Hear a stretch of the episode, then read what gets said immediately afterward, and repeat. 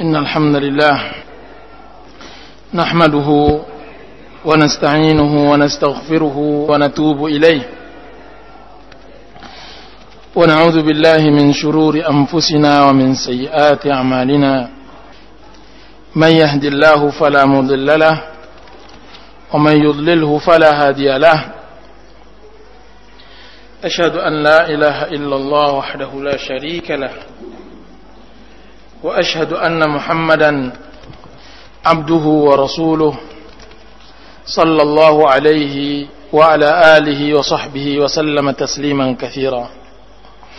أما بعد ومسلمين لأنكم مسلمات يوم رحمتي ولا الله سبحانه وتعالى السلام عليكم ورحمه الله وبركاته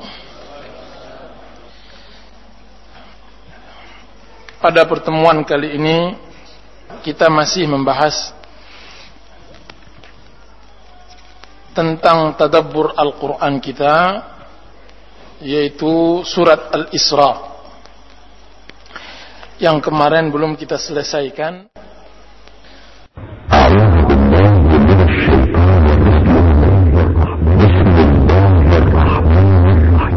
ولا تجعل يدك مغلولة إلى عنقك ولا تبسطها كل البسط فتقعد مليما إن ربك يبسط الرزق لمن يشاء ويقدر. إنه كان بعباده خبيرا بصيرا. ولا تقتلوا أولادكم خشية إملاق نحن نرزقهم وإياكم إن قتلهم كان خطأ كبيرا ولا تقربوا الزنا إنه كان فاحشة وساء سبيلا ولا تقتلوا النفس التي حرم الله إلا بالحق. ومن قتل مظلوما فقد جعلنا لوليه سلطانا فلا يسرف في القتل. إنه كان منصورا. ولا تقربوا مال اليتيم إلا بالتي هي أحسن حتى يبلغ أشده وأوفوا بالعهد إن العهد كان مسؤولا Kemudian Allah mengajarkan kita bagaimana hidup di dunia ini di dalam mengelola harta agar hidup kita tenang. Masih pembicaraan seputar harta. Bagaimana tips pengelolaan harta? Kalau seandainya Anda mendapatkan uang terus pergi ke Gramedia pasti Anda melihat buku-buku tentang masalah neraca keuangan mengatur secara efisien keuangan keluarga atau semacamnya kan tapi sebenarnya di dalam Al-Quran sudah diatur berapa banyak Allah berikan harta kepada seseorang kemudian dia hambur-hamburkan kemudian dia meminta-minta besok paginya.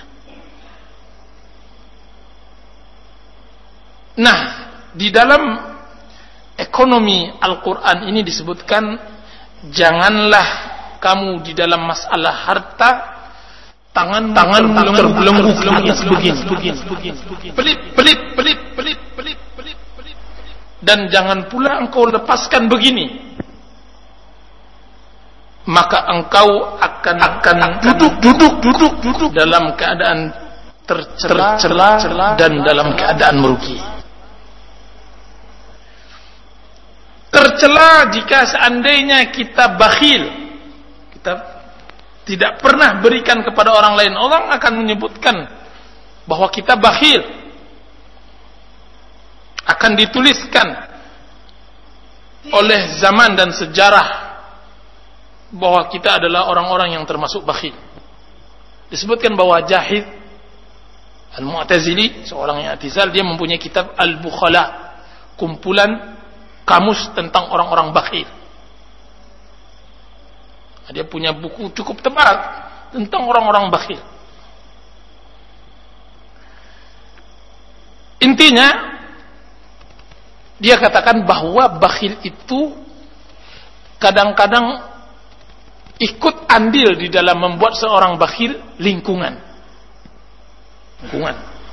Dia katakan bahwa saya mendengar bahwa ada sebuah daerah di Rusia sekarang di Khorasan daerah yang terkenal bakhilnya kalau tidak bakhil sih berbeda-beda tapi kadang-kadang lingkungan kadang membuat bakhil maka saya pun berangkat ke sana. Jahit berangkat ke negeri tersebut. Kemudian apa katanya? Baru saya sadari di sana memang orang bakhil. Ketika ditanya dari mana engkau tahu bahwasanya orang tersebut bakhil? Saya berjalan maka saya lihat seekor induk ayam berebut makanan dengan anaknya. Dia mengatakan kalau ayam saja sudah berebut makanan dengan anaknya, apalagi manusia. Ayam di mana-mana sampai pun carilah daerah Indonesia ini yang paling bakhil, mesti dia makan dulu anaknya baru dia makan. Nah di daerah tersebut induknya dengan anak berebut makanan. Yang kan. Maksudnya manusia hidup berpengaruh juga lingkungan. Nah, jangan kita bakhil dan jangan juga kita boros. Kan tapi hiduplah seperlunya. Sebagian orang mempunyai sifat kalau sudah ada uang di tangannya, dadanya bergemuruh, tangannya bergetar, sampai dia bisa makan di rumah makan yang enak sampai dia buang uang itu ke tempat kasir-kasir baru dia puas. Tidur baru nyenyak. Nah itu musibah. Ada lagi sebagian orang belum lagi hartanya dia sudah begitu yang penting asal di tangannya udah saya anggap hartanya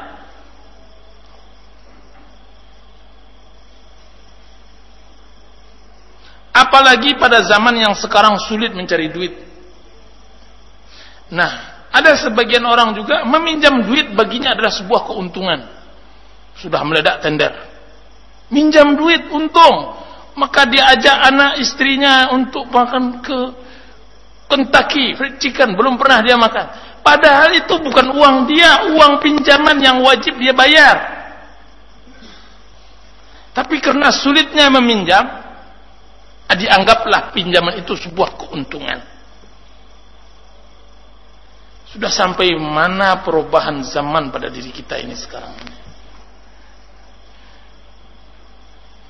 Oleh sebab itu yang benar di dalam kaidah dalam mempunyai harta kita harus tidak boleh begitu pelit tapi juga ketika mengeluarkan perhitungan jangan terlampau boros Kemudian Allah menyebutkan bahwa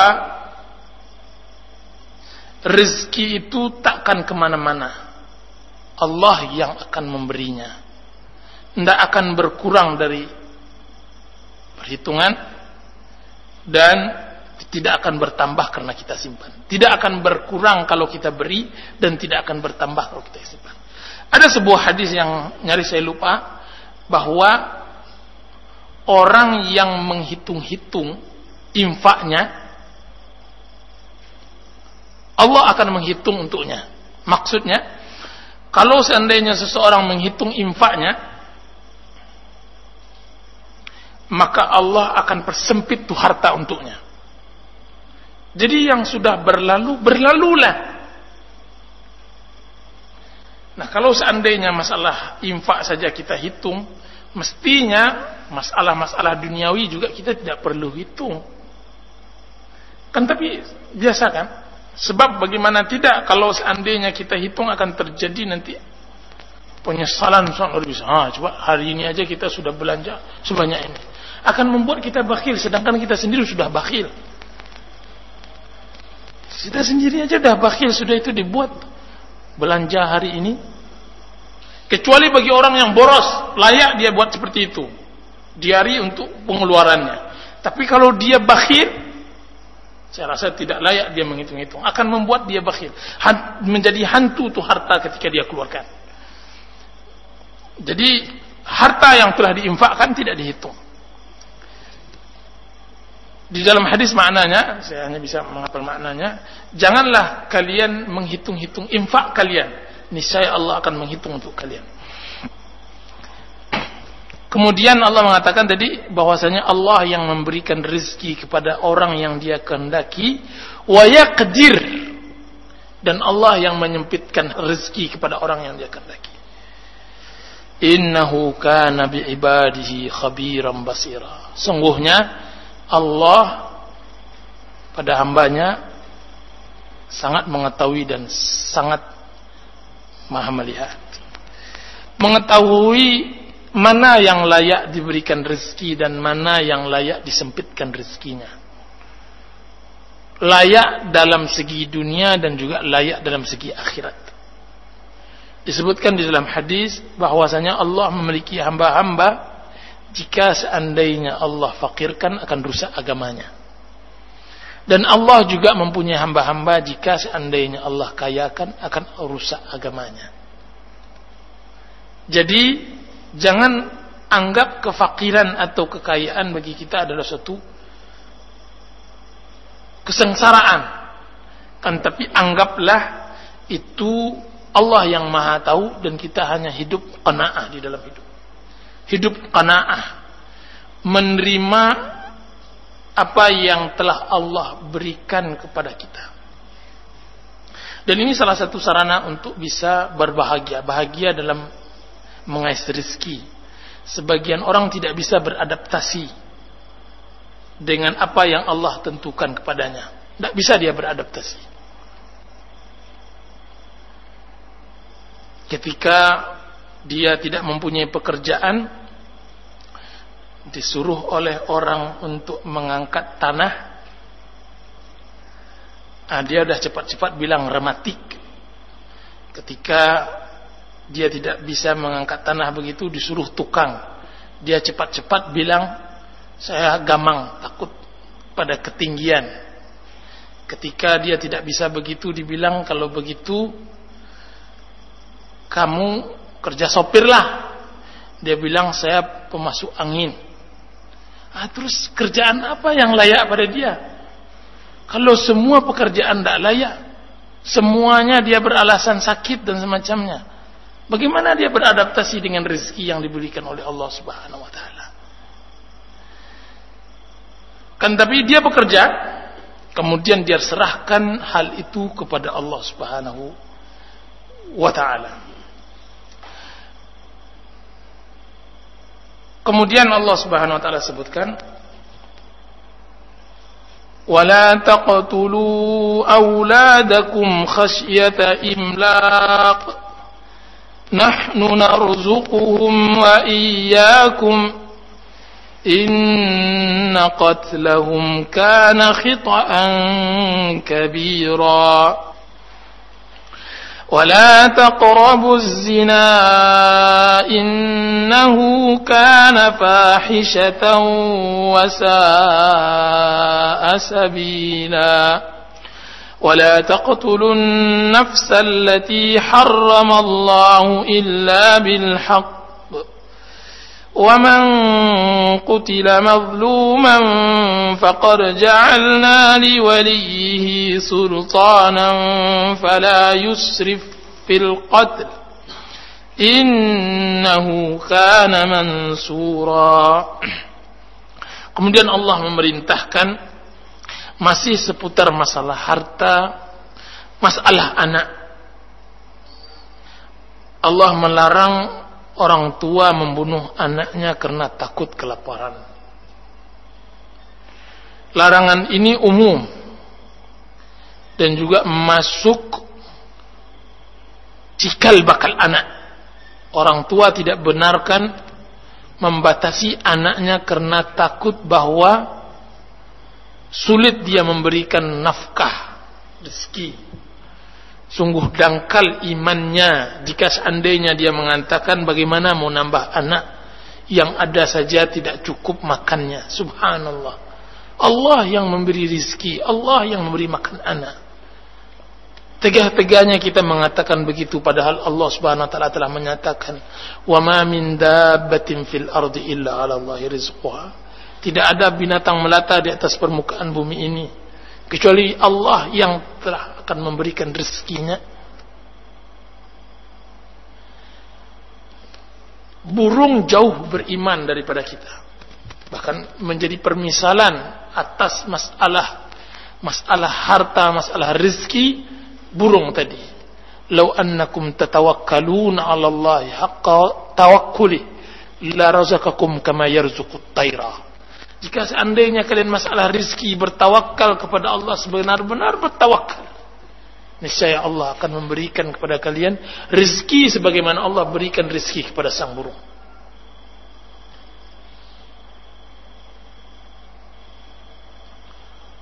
Bagaimanapun binatang burung tersebut mulai burung berkelahi mengajarkan Qabil dan Habil bagaimana menguburkan sampai sekarang belum pernah berkelahi masalah harta masalah harta Coba lihat anak Adam berkelahi masalah harta hampir setiap hari belum pernah burung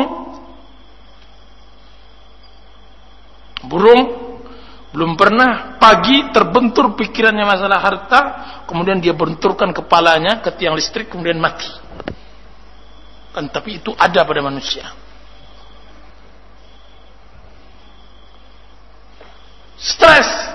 Berapa banyak setiap kali kita baca koran dan semacamnya, hanya hanya hutang 15 ribu, dia rela merenggut nyawanya, minum baygon dan semacamnya. Kapan? Kapan? Kapan? Burung mematok baygon Kemudian mengatakan dia wasiatkan kepada kaum-kawannya, anakku, ayah tidak lagi bisa mencari rizki, tolonglah nantinya. Tidak ada.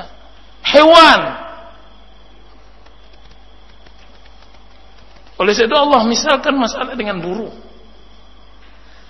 Sehingga kenapa kita harus takut tidak makan? Khasyat imlaq. Ini sebenarnya kajian mudah kan tapi sebenarnya dalam prakteknya sulit. Terus terang saya katakan kajiannya ringan, masuk akal siapa sih di antara seorang muslim berani mengatakan bahwa rezeki bukan Allah yang menurunkan? Tidak ada kan, tapi di dalam prakteknya begitu. Ngapain KB? Iya, lah kuat lagi beri rezeki anak. Ha. HP. Gara-gara tidak bisa. Bahkan ada sebagian ibu-ibu yang berani menggugurkan anaknya gara-gara hanya takut nanti anaknya tidak mendapat rezeki.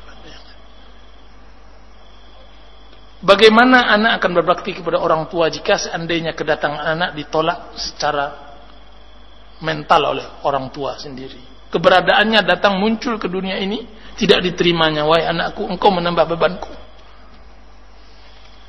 Nahnu narzukuhum wa iyyakum. Allah dahulukan kami yang memberi rizki mereka anak-anak kalian. Baru kalian. Sebagaimana kalian hidup sebaik sekarang sudah menjadi bapak orang. Begitu juga kami mampu memberikan anak kecil ini. Sebagaimana kalian nantinya kami kecilkan begitu. Inna qatlahum kana khit'an kabira. Sungguhnya membunuh mereka adalah suatu kesalahan yang sangat besar. Kemudian masuk kepada perihal masalah zina. Wala taqrabuz zina.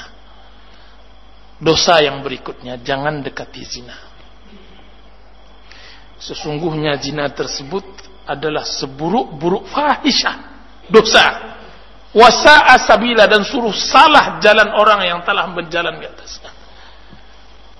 Allah mengibaratkan supaya jangan mendekati zina menunjukkan bahwa buruknya zina tersebut sehingga Allah memberikan hukuman di dunia yang tidak ada seburuk hukuman zina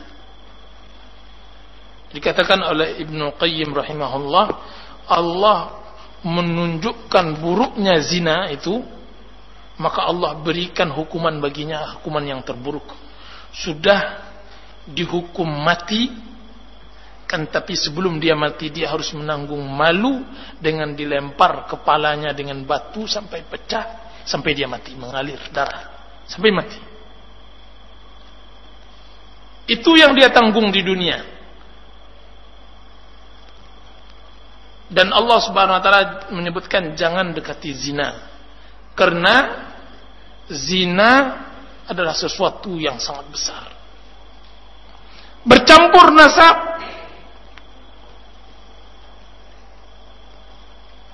dan semacamnya.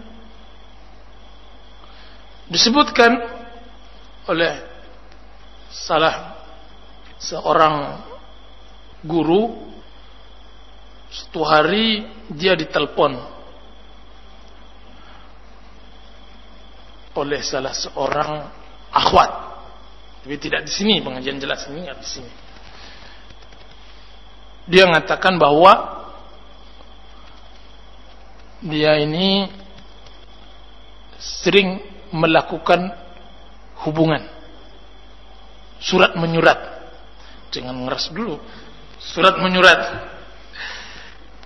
dengan seorang pria dan dia mencintai pria tersebut, laki-laki pemuda tersebut. Sudah itu dia katakan oleh guru tadi mengatakan kalau begitu haram tidak dibenarkan putuskan hubungan. Atau kalau seandainya ingin benar-benar cinta kamu di atas cinta Allah dan Rasulnya, datangilah. Permasalahan itu sesuai dari pintunya. Jangan lewat belakang, lewat depan datangi orang tuanya kemudian pinang atau minta kepada pemuda tersebut untuk dinikahi. Dalam yang menelpon akhwat. Dia bilang, "Enggak Ustaz. Yang ikhwan itu pun sudah taubat, kami sudah tidak lagi berhubungan." Ayalah baiklah. Dan dia pun sering mendengar pengajian Ustaz katanya. Ya udahlah, saya minta nomor teleponnya. Setelah dia minta telepon, berapa waktu setelah itu dia telepon lagi. Assalamualaikum, waalaikumsalam. Saya si Fulan. Oh, Syekh, anu, Ustaz anu, kata dia. Iya. Apa kabar? Dia, dia dikabarkan baik-baik. Kemudian dia mengatakan, ada sedikit yang mau saya bicarakan permasalahan seorang gadis yang menelpon saya beberapa waktu yang lalu. Engkau mempunyai hubungan khusus dengannya. Kemudian dia mengatakan benar. Saya punya hubungan khusus. Dikatakan oleh guru ini, kalau seandainya engkau serius, datangi permasalahan sesuai dengan aturannya. Datangi orang tuanya nikah. Iyalah, insya Allah Ustaz. Dia begitu. Selesai permasalahan. Sebulan dua bulan datang lagi perempuan tadi itu. Kan tapi menghadap kalau kemarin hanya menelpon. Kemudian apa permasalahan? Sudah selesai kan? Sudah. Sudah, betul. Kan tapi saya telah melakukan zina dengannya. Dia bilang gitu. Ya taubat. Bagaimana saya mengenal taubat Ustaz katanya. Taubat dengan jujur taubat, benar. Minta kepada Allah kejujuran taubat, benar-benar bertaubat Perempuan itu menangis. Nangis jadi-jadinya dan dia mengatakan saya sudah bertaubat, sebenar-benar bertaubat. Kemudian dia mengatakan ya mudah-mudahan Allah Subhanahu wa taala maafkan. Kemudian dia katakan sebenarnya Ustaz saya ingin menyampaikan sesuatu. Apa itu? Saya sudah istri orang. Astagfirullah kata dia. Terus anak-anakmu yang kau lahirkan anak siapa? Anak dia atau anak suamimu? Menjadi perempuan ini menangis, semakin menangis. Dia mengatakan sumpah demi Allah wahai guru. Tidak mungkin anak yang saya lahirkan itu saya pastikan dia adalah anak suami saya. Hampir setiap saat bertemu dengan suami saya tersebut saya mengucapkan kata-kata maaf kepadanya. Sedangkan suami saya tidak tahu kenapa saya minta maaf kepadanya.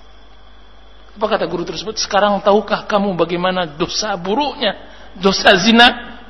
Dia menghancurkan rumah tangga, dia mempercampur adukkan mani yang hormat dengan mani yang hina. Mempercampur adukkan nasab. Coba lihat bagaimana buruknya perzinahan. Apalagi bagi orang yang telah menikah. Sudah itu Allah Subhanahu wa taala mengatakan wala taqtulun nafsal lati harramallahu illa bil haqq. Jangan coba-coba membunuh jiwa yang diharamkan oleh Allah Subhanahu wa taala kecuali yang hak. Ada hubungannya dengan masalah zina. Orang yang berzina biasanya hamil. Nah, Allah mengingatkan jangan coba-coba untuk menutupi rasa malu. Jangan bunuh bayi yang ada di kandungan tersebut. Bertambah dosa di atas dosa nantinya. Illa bil haq kecuali dengan hak. Dan hak di dalam Islam ada tiga. Bolehnya kita membunuh seseorang. Itu pun di bawah pemerintahan yang sah. Yaitu nafsu bin nafs. Orang yang membunuh maka dibalas dengan bunuh az-zani al-muhsan orang yang berzina dan dia telah menikah. Dan yang ketiga tarikul dinihi al-mufariqul jamaah. Orang yang meninggalkan agamanya dan meninggalkan jamaah. Tiga ini yang boleh dibunuh. Itu pun di bawah pemerintahan Islam. Kan tapi membunuh jiwa tanpa hak. Tidak dibenarkan di dalam Islam dan Allah Subhanahu wa taala memberi kabar kepada orang-orang yang dizalimi dalam keadaan terbunuh. Allah katakan, "Wa man qutila mazluman faqad ja'alna liwalihi sultanan fala yusrif fil qatl innahu kana mansur." Jangan coba-coba kalian yang telah membunuh berbuat macam-macam terhadap orang yang dibunuh. Ketahuilah dia itu wali-wali yang orang dibunuh mendapat mendapatkan kekuatan dari Allah Subhanahu wa taala. Kekuatan hukum, kekuatan syariat, kekuatan takdir. Innahu kana mansura. Sekalipun banyak dosanya dia tetap ditolong oleh Allah Subhanahu wa taala. Banyak orang binasa karena permasalahan ini. Dan membunuh bukan hanya meletakkan pisau ke perutnya, membunuh bisa saja menabraknya sekalipun tidak sengaja membunuh bisa saja melakukan sesuatu yang kita tidak tahu kita hanya terbunuh anak tersebut. Hati-hati. Innahu kana mansura. Oleh itu Allah berikan rasa takut yang sangat luar biasa kepada orang yang telah membunuh jiwa tanpa. Dan biasanya tidaklah jarang terjadi antara bunuh membunuh kecuali Allah menangkan orang yang terbunuh. Innahu kana mansura. Oleh itu sangat luar biasanya tafsiran habrul ummah. Ulama umat ini yaitu Abdullah bin Abbas yang disebut oleh Rasulullah SAW. Wa'allimhu ta'wil. Ajarkan dia bagaimana mentakwil. Ayat dia sudah bisa memprediksikan, beliau sudah bisa memprediksikan bahwa kemenangan di tangan Muawiyah bukan pada Ali. Apa hubungannya ayat ini dengan kemenangan Muawiyah dan Ali? Hubungannya sangat luar biasa sulit dicernakan tapi begitu hikmah yang sangat detil dapat oleh Abdullah bin Abbas. Apa kata Ibnu Katsir ini adalah istimbat ajabun ujab, istimbat yang sangat luar biasa. Sebanyak ini Al-Quran mulai dari Al-Fatihah sampai Al-Quran bin Nas. Abdullah bin Abbas sudah bisa memprediksikan kemenangan di tangan Muawiyah. Di saat Ali sah menjadi khalifah. Muawiyah hanya memegang Syam. Permasalahan-permasalahan sepele Muawiyah radhiyallahu an menuntut darah Utsman yang mana dia adalah walinya. Dan Ali menuntut diserahkannya Syam. Terjadi pertempuran. Dan Abdullah bin Abbas mengambil istimbat ayat ini bahwa kemenangan di tangan Muawiyah. Kenapa? Karena dia adalah wali darah yang terbunuh. Tahukah antum bahwasanya yang kalah bukan saja yang membunuh, kan, tapi dia bisa mengalahkan orang yang bisa dilawannya waktu itu.